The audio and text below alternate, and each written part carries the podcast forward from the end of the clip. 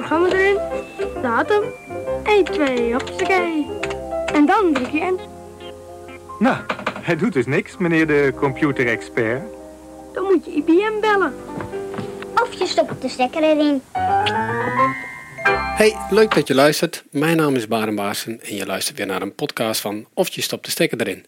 Naast mij zit Joris. en, Karel van der Woude. en weer aan de tafel geschoven is... Mark Loos. Hey, super dat je er weer bent. We hadden de vorige podcast al een hele leuke discussie. We waren eigenlijk nog niet klaar en vandaar dat Mark weer bij ons aangesloten is. Ehm, heb je die niet geluisterd? Luister die dan eerst, want dan denk ik dat je deze podcast net even iets beter begrijpt.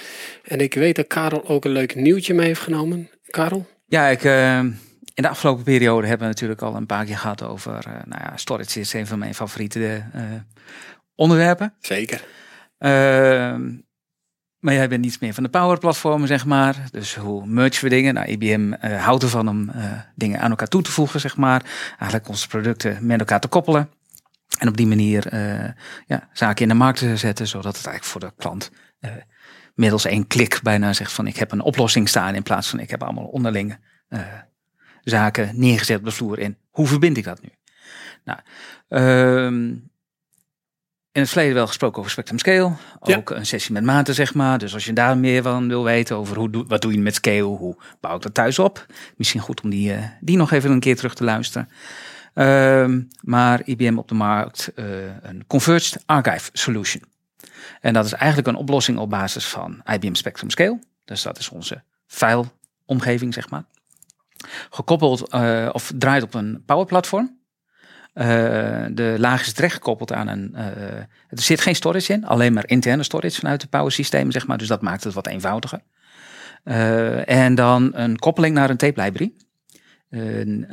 Die tape library, zeg maar, eh, daar draaien we dan Spectrum Archive ook in de oplossing op.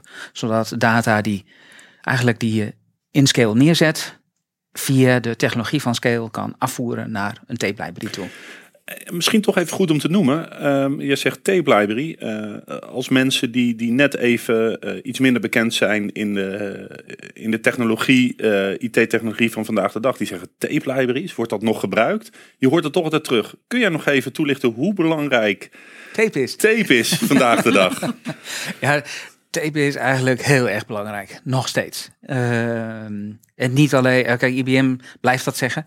Ehm, dat zien we ook in de markt. Nog steeds de hyperscalers maken daar heel veel gebruik van. Omdat het gewoon heel erg goedkoop is. Eh, grote opslag neemt eigenlijk geen stroom. Wat ook net zo van belang is, zeg maar. En een tape is een media wat eh, per default min of meer offline is. Dus je moet meer dingen doen om eigenlijk ook eh, daar echt iets mee te gaan doen. Eh, dus om data die erop staat weg te gooien of wat dan ook. Nou, vooral nog eens als je het daarover hebt. Deze archive solution zorgt er eigenlijk nog eens voor dat je tape op een LTFS staat. Een linear tape file system staat, zeg maar. En dat die data eigenlijk gewoon zo terug te lezen is zelfs. Dus zonder dat je een applicatie aan de bovenliggende kant hebt. Dus dat eh, zorgt ervoor dat je ja, heel goedkoop je data kan opslaan op een media wat heel lang eh, te bewaren is, zeg maar. En eh, ja, we- zien daar op heel veel plekken nog steeds echt gebruik van. En op een goed platform. Eh, ja, een Power Platform, dus vandaar dat ik deze ook even meenam. En, ja, Ja, nee, die moest ik er even in koppen. echt Hoor. een Dat, eh, eh, heel veilig platform, maar daar komen we zo meteen nog wel weer terug op.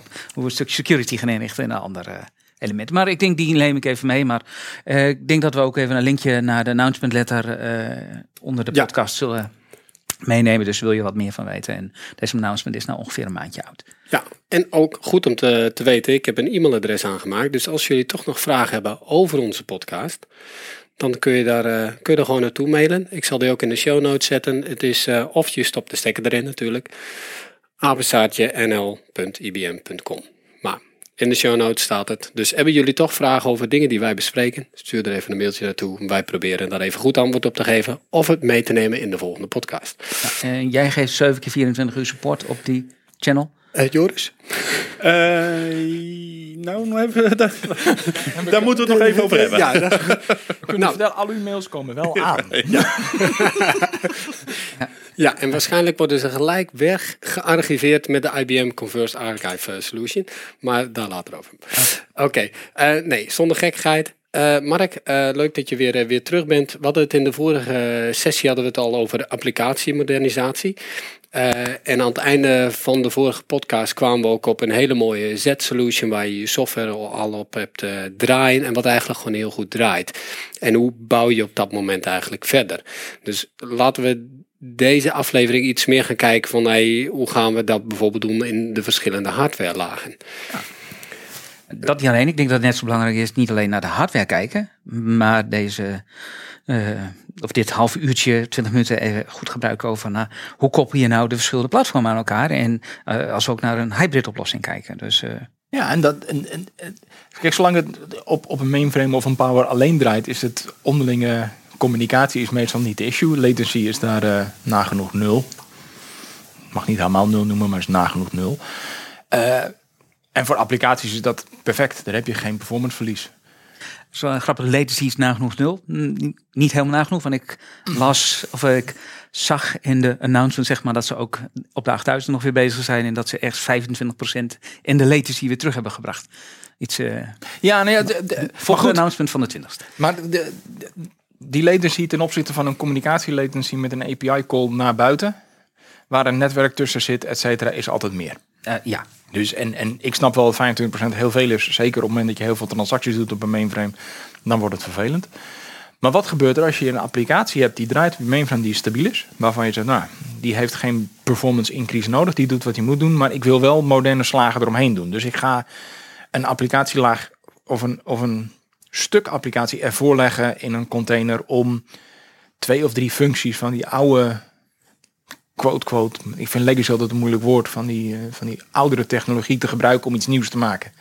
Dan ga je een stukje applicatie voorleggen met een frontend.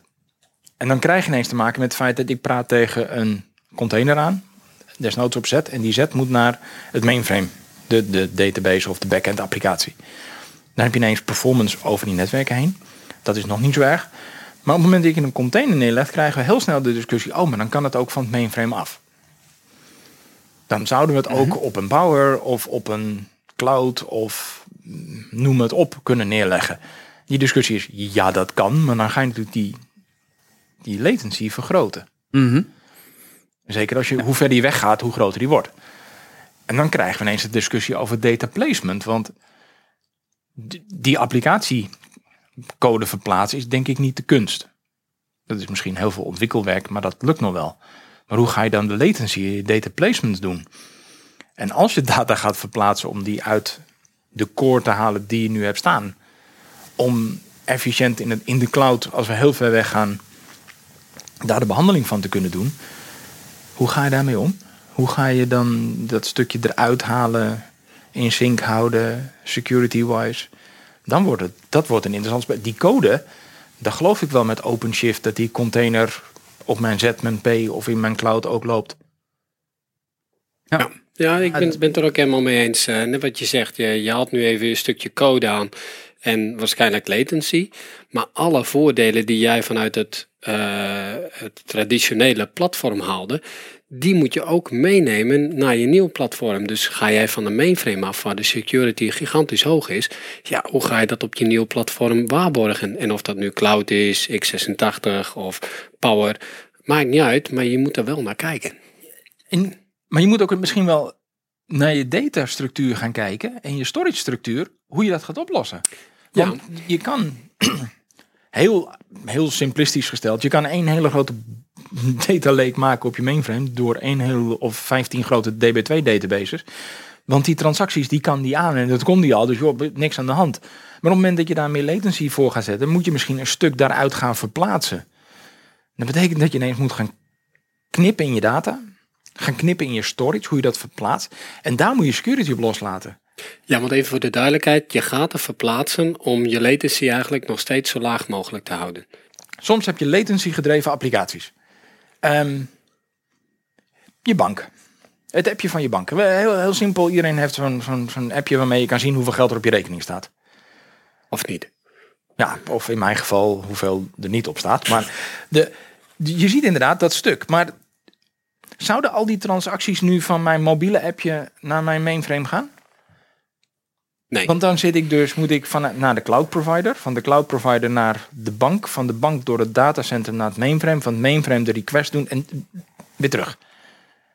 Ja, ik verwacht dat ze daar een kopie van maken. Ik verwacht dat ze daar, want ik bedoel, dat werkt met 10 appjes prima en met, ik denk, 400.000 appjes ook nog wel. Maar daarna denk ik toch wel dat een datacenter operator gaat zeuren over de enorme amount of traffic die die ineens krijgt. En zeker naar het mainframe. Dus dan zul je zien dat een stuk daarvan gekopieerd moet worden. Of, of in een, een, een, op, op een flash systeem moet neergezet worden. Of in memory moet runnen om die responstijden te kunnen garanderen. Maar dan heb je ineens een stuk data verplaatst. Die moet je of in sync houden. Of eruit knippen. Nou, dat, dat, dat denk ik dat dat de enge statement is. Maar hoe ga je dat secure doen? Want het idee van modernisatie is dan, oh, we maken een appje en we, doen dat met containers en fantastisch. Maar op het moment dat je data niet meekomt, Ja, maar je hebt dus security over data, zeg maar. Dus waar ga ik mijn data plaatsen? Maar het is sowieso al op het moment dat je in containers gaat werken, dus eigenlijk het gaat opknippen, eh, je, je applicatie, zeg maar, is onderling tussen al die containers heb je communicatie. Daar hebben we het vorige keer ook over gehad. En die communicatie zorgt ervoor dat je dat secure moet doen, zeg maar. Ja. En binnen een datacenter waar jij volledig controle over hebt, is dat redelijk goed secure te doen. Maar nu ga je eh, zeggen, ik ga applicaties opdelen en ik ga een stuk van de applicatie draaien eh, hybrid, Ja. zeg maar. Dus in de cloud. En dat betekent dat je, als je dat daar gaat doen, dat je ineens verbindingen gebruikt die buiten jouw datacenter omgaan. ja, Hoe kan je ervoor zorgen dat dat secure is? Heeft IBM met Red Hat daar een bepaalde propositie in waarom wij dat kunnen doen? Of is er iets als klant waar je dan heel erg rekening mee moet houden? het, makkelijkste als klant is, je zal hier wat certificaten en wat encrypties moeten gaan toepassen. Ik bedoel, eh, ik roep altijd de CISO of de security officer heeft een field day met dit soort dingen. Eh, ja, vanuit IBM hebben we daar proposities voor. Iets als een Cloud Pack voor security kan je daar enorm mee helpen. Eh, maar ook een X-Force. De, de, de, de service die wij vanuit IBM bieden voor het beveiligen van clouds, datacenters, et cetera. Die kunnen je helpen met het optuigen van dit soort verbindingen. En ja, aan de andere kant, encryptie zo ver mogelijk doortrekken. En misschien wel niet verplaatsen. Dat klinkt, dat zei ik bij de application modernization ook al. Hè, van, weet je, soms moet je niet moderniseren voor het moderniseren. Ja, want ik denk als je kijkt naar, naar, naar het beveiligen van die datastroom. Je hebt ook vanuit IBM Z, eh, vanuit het mainframe platform heb je daar ook oplossingen voor. Eh, data privacy passport bijvoorbeeld. Ehm, maar ik denk dat je inderdaad, je moet afvragen.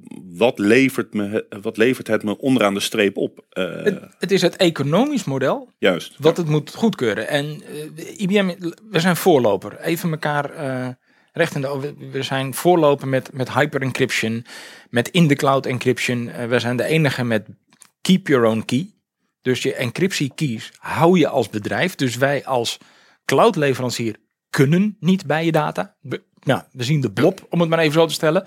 En als u het delete, dan zijn we blij, want dan kunnen we het aan een ander verkopen. Maar we, we kunnen er niks mee. Dus je bent hyper secure. Maar de vraag is of de kosten die dat allemaal met zich meebrengen, onderaan de streep een economisch belang dienen voor het bedrijf. En dan krijgen ze ook de vraag van, maar hoe kunnen we die footprint in de cloud of die data footprint in de cloud verkleinen, zodat het risico minder wordt, waardoor dat economisch belang groter wordt. Want inderdaad, binnen je eigen datacenter, ja, zolang je niet alle netwerkverbindingen overvloot, gaat dat goed. Maar als je naar buiten gaat, het frontend heeft maar een tiende, misschien een honderdste in eerste instantie nodig van de data's die je hebt.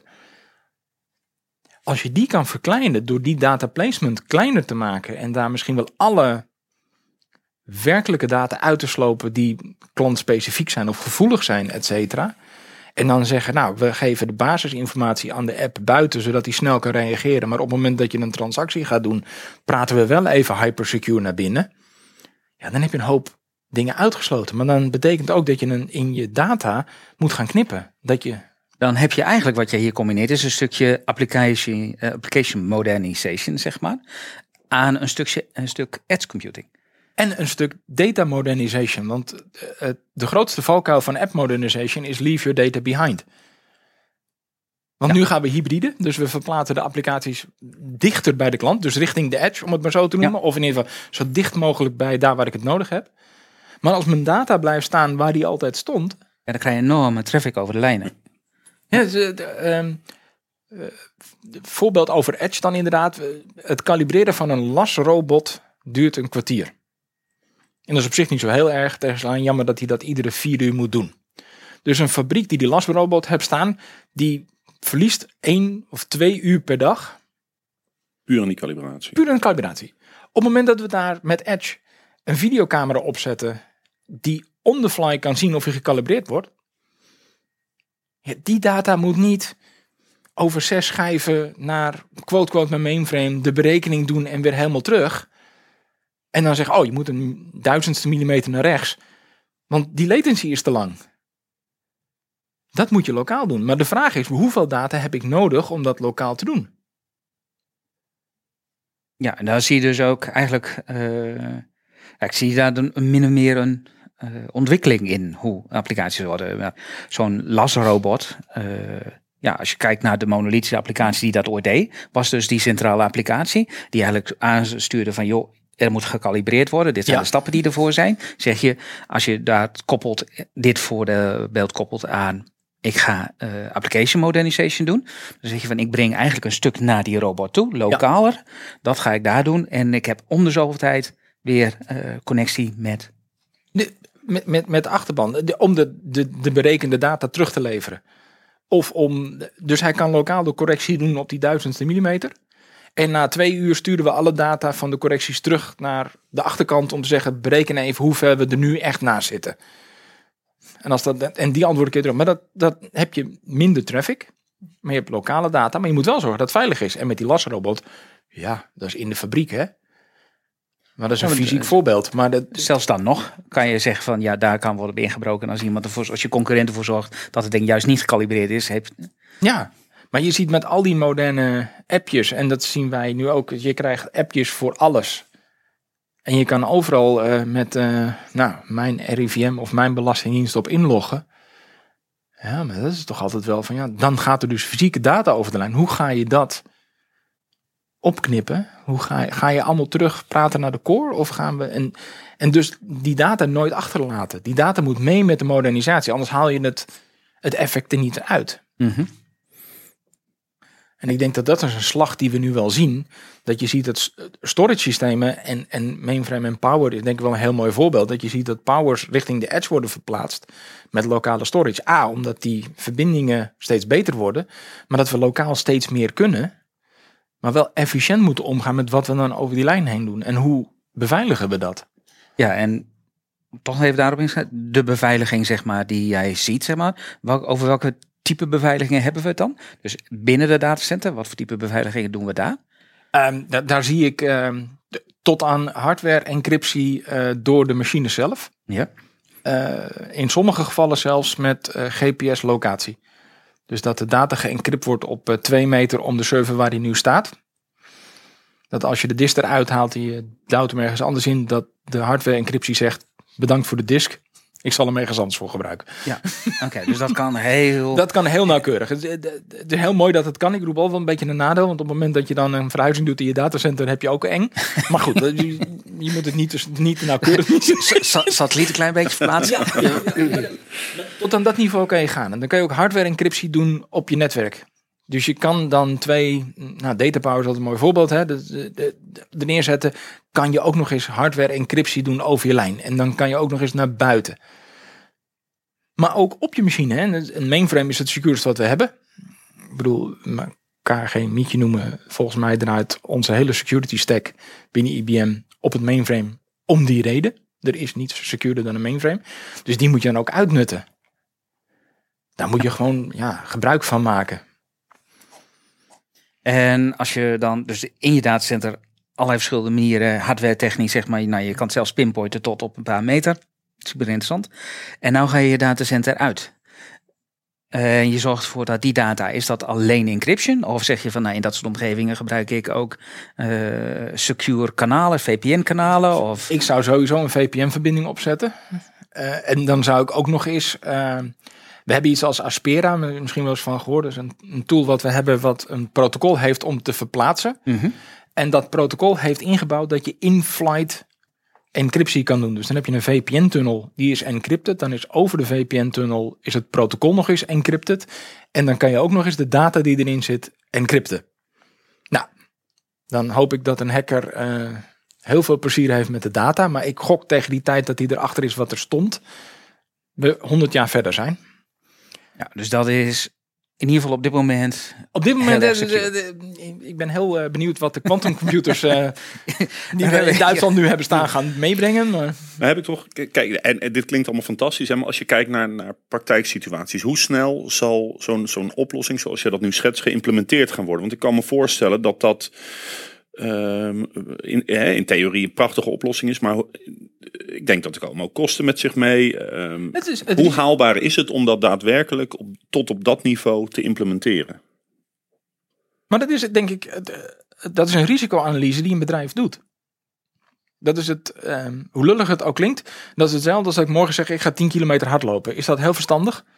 Ik denk dat ik 5 kilometer haal voordat ik omval. Ik ken jou, eh, Nee, nou, nou ja, zoals ik eruit sportieve verleden niet. Nee, maar als je dat ineens gaat doen, ongeacht of je sportief bent, dat is niet reëel. Dus je zal zien dat het bedrijf opnieuw een economisch besluit nemen. We gaan eh, de helft implementeren. En dan gaan we het risico managen of mitigaten wat erachter zit. En dan krijg je dus de discussie, heb ik zeven beveiligingslagen nodig? Of ga ik heel simpel aan de core zorgen dat datgene wat ik naar buiten stuur over die verbinding zo minimaal mogelijk is dat ik dit niet nodig heb? Ja. En dan krijg je een architectuurdiscussie over waar, waar laat ik mijn data en wat laat ik waar? Want alles over die lijn hypersecure is wat je zegt, nou dat kon wel eens een kostelijk eh, plaatje worden. En daar zijn wij niet de enige vendor in, maar daar zijn alle vendors blij mee. Maar je kan ook zeggen, nou ik, ik maak het bare minimum over die lijn wat er over moet. En als daar geen traceable informatie aan zit, dan kan je dat misschien wel minder beveiligen. Precies, ja. Ja, een afweging kosten versus dus je opnieuw. Op- je- Opnieuw, het, het, is een economisch beleid. En hoe groot is het risico? De, eh, ben je een bank, dan is het risico misschien eh, onhandig als je data op straat ligt. Ehm, ja, maar we, we lezen om de havenklap dat mensen eh, laptops kwijtraken, USB-sticks, data wordt gemaild naar klanten. PC's bij het grofvuil, ja. Ja, maar een, groot bedrijf is ook gevolger als, als daarvan eh, op straat komt liggen. Er ligt data op straat. Al is het niet leesbaar, dan nog is de schade die het bedrijf heeft natuurlijk groter. Eh, als je een heel, veel kleine bedrijven hebt, zit je misschien heel anders in dat. eh, Kijk, als de ABN AMRO Bank een diskje kwijt is, dan staan ze op de voorpagina. Als hier achter in B-building iemand een diskje kwijt is, dan halen, dan halen ze niet eens een persbericht. En dat is, dat is het verschil. En dat is ook waar je ziet dat die economische belangen ineens gaan meewegen. Van ja, we willen er een slag overheen, want we moeten kunnen vertellen dat. Maar in deze is dus security is niet een, eh, of tenminste, je application modernization, eigenlijk is dat nog steeds min of meer het topic. Eh, eh, security zorgt er niet voor dat je het niet zou hoeven doen. Zeg maar. Er zijn op alle lagen kun je security lagen- implementeren Ja. en kijken waar je het hebt. En het maakt niet uit of je nou groot bent of klein bent. Je kan het volledig beveiligen met genoeg economische middelen. Ja. Er zijn stappen die je kan doen om dit soort modernisatie toe te staan. En waar we het de vorige keer over hebben gehad, is dan wil je dus developers hebben die zich focussen op de app. En dan zijn we dus vanuit operations of vanuit de security moeten we dus alle tussenliggende stappen in die architectuur, kunnen we die beveiligen. En dan zie je dat zo'n schaalmodel waar we het vorige keer over hadden, we knippen hem op in tweeën en dan gaan we ervaring opdoen over wat er gebeurt op die lijn en hoe we dat beveiligen dan zie je dat een security officer daar veel meer in kan vinden en in kan betekenen. En dus ook geruster zegt, dit werkt of ja of nee. Dan ineens van ja, we gaan het hybrid neerleggen in de cloud en eh, is het goedgekeurd. Even vanuit mijn eh, gewoon interesse. Als je eh, security officer hebt, zeg maar, je hebt een traditioneel bedrijf, jij mag gaan aanspreken over hoe banken en zo het doen. En je hebt eh, bedrijven die zijn born in de cloud. Eh, en die eh, snappen gewoon hoe dat soort applicaties in containerized werken en die manier van developen. Welke van de twee zie jij als, eh, wie hebben het meeste moeite met uiteindelijk dat stuk security binnen dit soort omgevingen? Zijn dat nou de mensen die bij design eigenlijk vanuit het bedrijf altijd secure zijn geweest, maar die nu echt om moeten? Of de bedrijven die hierin meegegroeid zijn met dit soort eh, ontwikkelingen?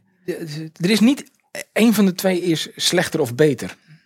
Maar één van de twee heeft een ander gebied waar ze niet goed in zijn. De, de, de, de grote enterprises zijn heel goed in het beveiligen van hun software on-premise. Datacenters, encryptions, VPN-verbindingen, et cetera. Waar de born on the cloud, al die dingen voor lief nemen, et cetera. Maar op het moment dat het dan aankomt op core data, die ze ineens moeten gaan doen, dan zullen ze, dan, dan, dan, dat hebben ze in Born in the Cloud nog nooit gedaan, zeg maar. Dan wordt dat moeilijk. En dan zie je dat de security officer van een bank zegt, dat is makkelijk. Hè, of van een, van een enterprise, dat kan ik. Maar dat in die cloud, dat vind ik eng. En die jongens die in de cloud geboren zijn, die in de cloud is dat niet de kunst, maar dat hele datacenter beveiligen in, in mijn cloud provider, dat vind ik vervelend. Dus het is misschien dat je ze bij elkaar zou moeten zetten. Ook in die hoek zie je dus uh, het aantrekken van jonge mensen die een andere manier van denken hebben. Ja, en, en beveiliging is natuurlijk heel zwaarwegend voor bepaalde groepen en bepaalde groepen niet. Ja. En dan, dan zie je dat in een datacenter veel rigider ermee wordt omgegaan dan zo'n born on the cloud. En op het moment dat ze naar de buiten gaan, dan zie je ook maar soms objections voorbij komen dat je denkt, joh, maar dat is helemaal niet van belang. Maar dat is vanuit de regelgeving, hebben we 15 punten die we moeten afvinken. Um, de Phoenix Project, kennen jullie dat boek? Ik heb er vaker over gehoord, ja. Ik heb hem nog niet gelezen. Ja, ik, ik raad dat iedereen aan, want daarin staat een heel mooi voorbeeld over hoe je gaat moderniseren. Maar ook de compliance officer daarin is oldschool. En daar is niks mis mee. Maar die moet een modernisatieslag gaan goedkeuren. En die, zit dus, die, die wordt gezien als degene die de modernisatieslag stopt. Omdat hij duizend regels heeft waaraan hij moet voldoen. Pas op het moment dat ze hem bij het project betrekken, we gaan moderniseren en realiseert hij zich dat van die duizend regels 800 niet meer van toepassing zijn. En dat is het gedrag wat je ziet. Ik bedoel, wij zijn gewend in een, dit is mijn kader, hier blijf ik in zitten. En je ziet die wereld veranderen. Ja. Ik zie het om me heen gebeuren, zeg maar. Cases die je niet kan bespreken hier, maar... Uh, nee, ik, ik, zie het ook. En ik zie ook uh, dingen worden afgeschoten bij enterprises. En dan... Um, ik, ik zie het zelfs nog veel erger. Ik zie enterprises kleine afdelingen opspinnen. Dus er een start-up van maken. En hem dan de hele stack op laten bouwen. En als het dan werkt, dan kopen ze hem terug. Omdat ze gewoon intern de regelgeving dusdanig rigide is dat ze dat niet kunnen. Dus ik zie een aantal enterprises in mijn omgeving dit gedrag vertonen. Van nou, ga het eerst maar proberen. En dan gaan we daarna wel kijken of het goed komt. En als het werkt mag je terugkomen. Ja. Maar daar trek je ook een heel ander soort volk mee aan. Hè? Developers, ja, ik werk bij een enterprise die groot is, uh, formaten IBM of meer. En ik mag gewoon als een jonge hond aan de gang. Ja. Dat geeft een hoop vrijheid, uh, denk ik. In je, in je. Ja, en verantwoordelijkheid. Want als je het niet goed doet, dan uh, ja. heb, je, heb je niets natuurlijk. Ja. ja. dat hoort denk ik wel een beetje bij die bepaalde generatie. Mensen die willen ontwikkelen, zoeken en laat maar gaan, zeg maar. Niet om de mensen die dat in een strak regime willen doen. Nee, dus, nee, ik vind het ook leuk om uh, bij, bij B-building of bij dat soort start-ups rond te lopen. Want die hebben een compleet andere mindset dan... Ja, ik, ik ben 50, dus ik val me onder de oude garde. Weet je, ja, maar wat ga je ermee doen? En hoe ga je beveiligen? En hoe ga je... Nee, nee, nee, nee, het moet eerst werken en dan gaan we wel kijken. Dus een hele andere mindset. Ja, eerst functioneel en dan kijken of het Ja, die eerst iets functioneel en dan, dan groeit het wel mee. En dat is wel de, de kracht van application modernization. Omdat je het in kleine brokken hebt, is het ook makkelijker te beveiligen in de kleine brokken dan in die monolith. Maar het, af en toe heb ik wel zo. Hetzelfde heb ik ook, ja. Ik altijd van, hey, doen we dat wel goed? Of hey, dat heeft met de achterban te maken. En hoe je bent opgevoed en waar je vandaan komt. Ja. Ik moet, moet zeggen, we zijn alweer door onze tijd heen. En uh, het blijft interessant met Mark aan de tafel. en ik heb nog steeds het gevoel dat we niet alle punten aan hebben uh, gestipt. Maar dat geeft juist nog een mooie opening om later nog een keertje bij ons aan te schuiven. Uh, we hebben in ieder geval gehoord dat security is gewoon een, een, een groot punt binnen, binnen de hybrid cloud. En hybrid cloud is op zich natuurlijk al een hele mooie oplossing. Um, Dankjewel dat jullie aanwezig waren. Mark, dankjewel voor, voor je uitleg. Hebben jullie nog vragen? Laat het alsjeblieft weten. Wat was het e-mailadres ook alweer? of je stopt de stekker erin.